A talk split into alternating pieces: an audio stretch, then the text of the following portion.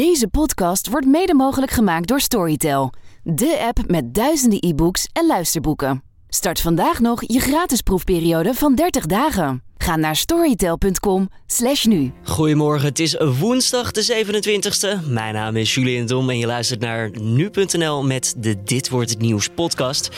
Deze ochtend gaan we het hebben over Mozambique. Het land is zo'n twee weken geleden getroffen door een orkaan.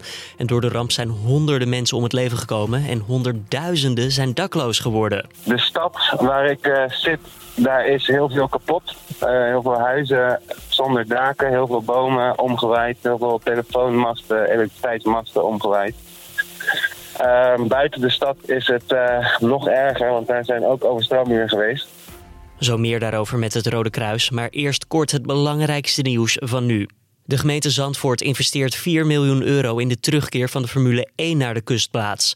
De raad was het unaniem eens over het besluit. De Formule 1 zal volgens Zandvoort een positief effect hebben op de lokale economie. Het geld wordt gebruikt om de infrastructuur van en rond het circuit te verbeteren. Het bedrag wordt bij elkaar gehaald door onder meer de toeristenbelasting met 50 cent per nacht te verhogen. Gestrande passagiers van Transavia in Dubai kunnen woensdag terugvliegen naar huis. De reizigers zaten sinds zondag vast in het land nadat hun toestel door een technisch mankement niet kon vertrekken. Transavia heeft nu voor circa 140 passagiers tickets geboekt richting Amsterdam en Düsseldorf. Dat zegt een woordvoerder van de vliegtuigmaatschappij. De gestrande reizigers hebben recht op een onkostenvergoeding en een extra compensatie van 600 euro per passagier. Er is nieuw bewijs gevonden van vervalsingen door de technische recherche in de Deventer-moordzaak. Daarover schrijft de Volkskrant deze woensdag. De krant baseert zich op een onlangs opgedoken CD-ROM met ruim 150 foto's en verslagen van het rechercheonderzoek. Daaruit zou blijken dat ontlastende vingerafdrukken zijn gewist, er een nieuwe slachtofferfoto met ontlastende bloedvlek is en eruit een procesverbaal cruciale ontlastende wederom passages zijn verwijderd. De Deventer-moordzaak gaat over de moord op Jacqueline Wittenberg in 1999. Haar fiscalist, Ernest Lauwes, werd daarvoor veroordeeld. Zijn advocaat, Geert-Jan Knoops, spreekt nog niet over opzet... maar volgens hem tonen de boven water geraakte stukken wel aan... dat onregelmatigheden niet incidenteel, maar structureel zijn. Het bevolkingsonderzoek naar darmkanker is een groot succes, dat schrijft het AD.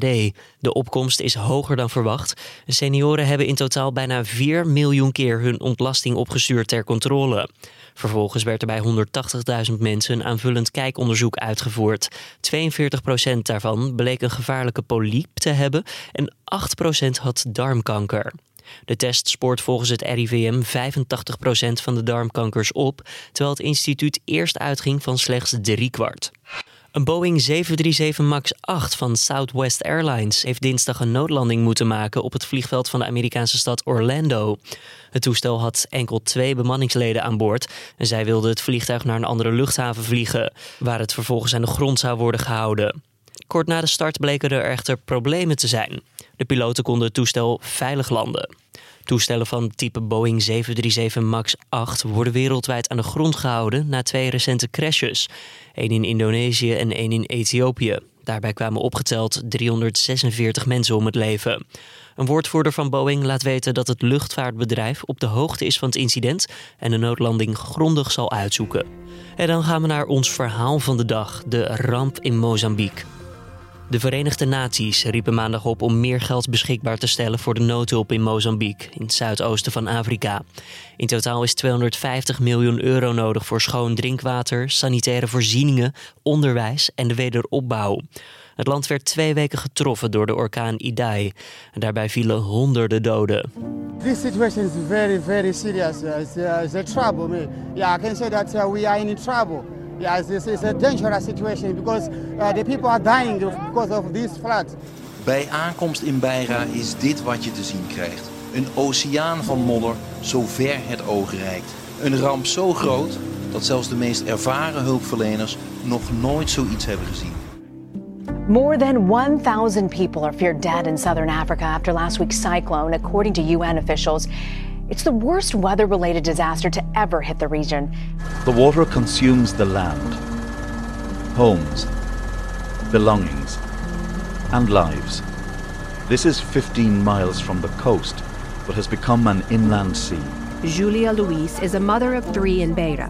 Her family lost everything. We don't have anything to eat here. No food, nothing. It's a problem. At night, we don't eat. We don't even have a blanket to cover ourselves with. We only have the clothes we are wearing. Enkele fragmenten uit de media van de afgelopen dagen hoorde je over de ramp in Mozambique. Ja, aan de telefoon konden we gisteren alvast bellen met Michel Becks, waterexpert bij het Rode Kruis. Hij was onderweg richting Mozambique. Ik, uh, ik, ik ga in eerste instantie zorgen dat er uh, voldoende uh, water beschikbaar is voor, voor de mensen die getroffen zijn. Hè. Die kun je vinden in de, in de opvangcentra. Uh, er is nu al wel wat uh, water beschikbaar, maar dat is zeker niet voldoende om, uh, om, om voor hygiënische omstandigheden te zorgen. Dus er is zeker nog meer water nodig. daarnaast bouwen wij toiletten. Die zijn eigenlijk al sinds gisteren in gebruik. Dus die, die hoop ik in goede orde te vinden. Dat, zal, dat wordt zeker als eerste taak bekijken. Um, maar de watervoorziening, uh, moet, daar moet zeker nog aan gebouwd worden. Ja, als we even naar die watervoorziening gaan. Er is een hele hoop kapot gegaan natuurlijk door de orkaan. Um, kan je dat ja, simpelweg gewoon herstellen op korte termijn? Uh, het herstel uh, duurt over het algemeen best, best lang. en vandaar ook dat wij voor noodvoorzieningen gaan van die ongeveer een drie maanden kunnen kunnen runnen. Um, en dat geeft dan voldoende tijd om, om watersysteem, bestaande watersystemen goed te herstellen. En ja, drie maanden duurt dat dan alsnog. Uh, wat kunnen we op de korte termijn doen? Want de mensen hebben natuurlijk ook gewoon vandaag en morgen water nodig. Ja, dat klopt. Uh, wij hebben al voor een aantal mensen de waterzuiveringstabletten uitgedeeld. Dat is een prima oplossing voor een aantal dagen. Om in ieder geval mensen van voldoende drinkwater te voorzien. Uh, dus dat, is, dat, dat loopt nu al op dit moment. en hetzelfde moment bouwen wij dus waterzuiveringsinstallaties om die drinkwater, om, om, om echt voor voldoende drinkwater te zorgen. Dus op dit moment is er in ieder geval genoeg drinkwater om voor mensen om te overleven. Ja, dan de sanitaire voorzieningen, die zijn ook broodnodig. Um, wat kunnen we daar ons bij voorstellen? Hoe ziet zo'n noodsanitaire voorziening eruit? Ja, in Bega is uh, dat is een vrij stedelijk uh, gebied. Dat is altijd een uh, lastige situatie. wat, wat, waar we daar goed rekening mee moeten houden is dat er vaak weinig plek is. En dat je dus moet bouwen op, nou ja, eigenlijk op, op vrij harde grond. Hè, terwijl we normaal de grond in kunnen om te graven zullen we hier voor, voor andere technieken uh, moeten gaan. Dan moet je denken aan eigenlijk verhoogde wc's met opvang. dat kan dan leeggepompt worden. En uh, ja, daar heb je een flinke logistieke operatie voor nodig om dat uh, elke dag goed schoon te houden en, uh, en te zorgen dat alles ook, ook blijft functioneren. Je bent er natuurlijk niet als enige daar straks in Mozambique van het Rode Kruis. Hoeveel mensen hebben jullie daar ter plekke? wij hebben, er zijn zeker enkele tientallen mensen al ingevlogen. Uh, gelukkig kunnen wij natuurlijk ook bouwen op het uh, lokale Rode Kruis, hè, ons uh, vrijwilligersnetwerk in, in Mozambique. Die zijn er vanaf dag één actief. Hè. Dus vooral die experts die, die werken met het, al het materiaal wat ingevlogen is. En dat is dat zijn op mijn gebied, dus die waterzuiveringsinstallaties en de sanitatievoorzieningen.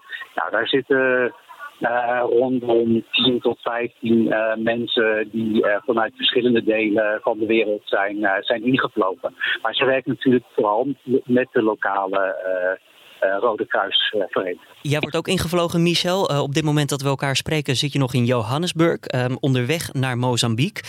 Wat heb je gehoord van collega's die daar al zijn over wat je kan verwachten ter plekke? Wat ik gehoord heb van collega's is dat ehm, dat ondanks dat het water uh, op, op plekken al uh, gelukkig uh, een stuk minder wordt. En waardoor we dus ook verder het land in kunnen rondom Bera, is er ook nu grote kans op, op, op nog meer ziekten als, als, als cholera en um, malaria. Dat is zeker in deze fase is dat, is dat vaak een groot risico omdat er veel water stilstaat. Uh, mensen hebben nog steeds dus onvoldoende toegang tot, uh, tot water.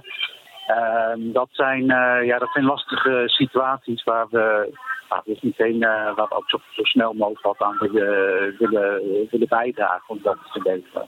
Michel Beks was dat, waterexpert bij het Rode Kruis. En dan gaan we door naar Wouter Rebergen van het Rode Kruis Vlaanderen, die al ter plekke is in de stad Beira in Mozambique. Wouter, ehm, hoe is het daar eigenlijk? Wat zie je om je heen? Uh, ja, het is hier uh, een komen en gaan van uh, hulporganisaties. We zijn ja, heel druk bezig.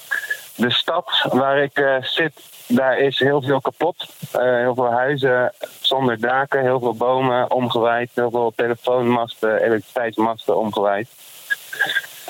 Buiten de stad is het nog erger, want daar zijn ook overstromingen geweest. Dus daar zijn echt hele huizen onder gestroomd ja, daar zijn de mensen nog, uh, er nog erger aan toe. U woont zelf al negen jaar in Mozambique. Heeft u ooit zoiets als dit voorbij zien komen of zien gebeuren? Nee, er zijn al wel een aantal cyclonen hier geweest, maar die waren minder zwaar. En daar kwamen niet daarna nog weer zware overstromingen overheen. En ook overstromingen gebeuren wel eens. Maar ja, deze twee in combinatie, zo'n sterke orkaan met zulke grote overstromingen, dat heb ik nog niet, uh, nog niet meegemaakt. Op wat voor manier proberen jullie op dit moment hulp te bieden namens het Rode Kruis? Um, wij zijn met het Rode Kruis vooral bezig in de clusters uh, shelter, dus onderdak, en water en sanitatie. Dus we vliegen, ja, er komen heel veel hulpgoederen aan. En um, ja, samen met onze partners coördineren we dus onze, onze specifieke onderdelen waar wij mee bezig zijn is onderdak en uh, watersanitatie.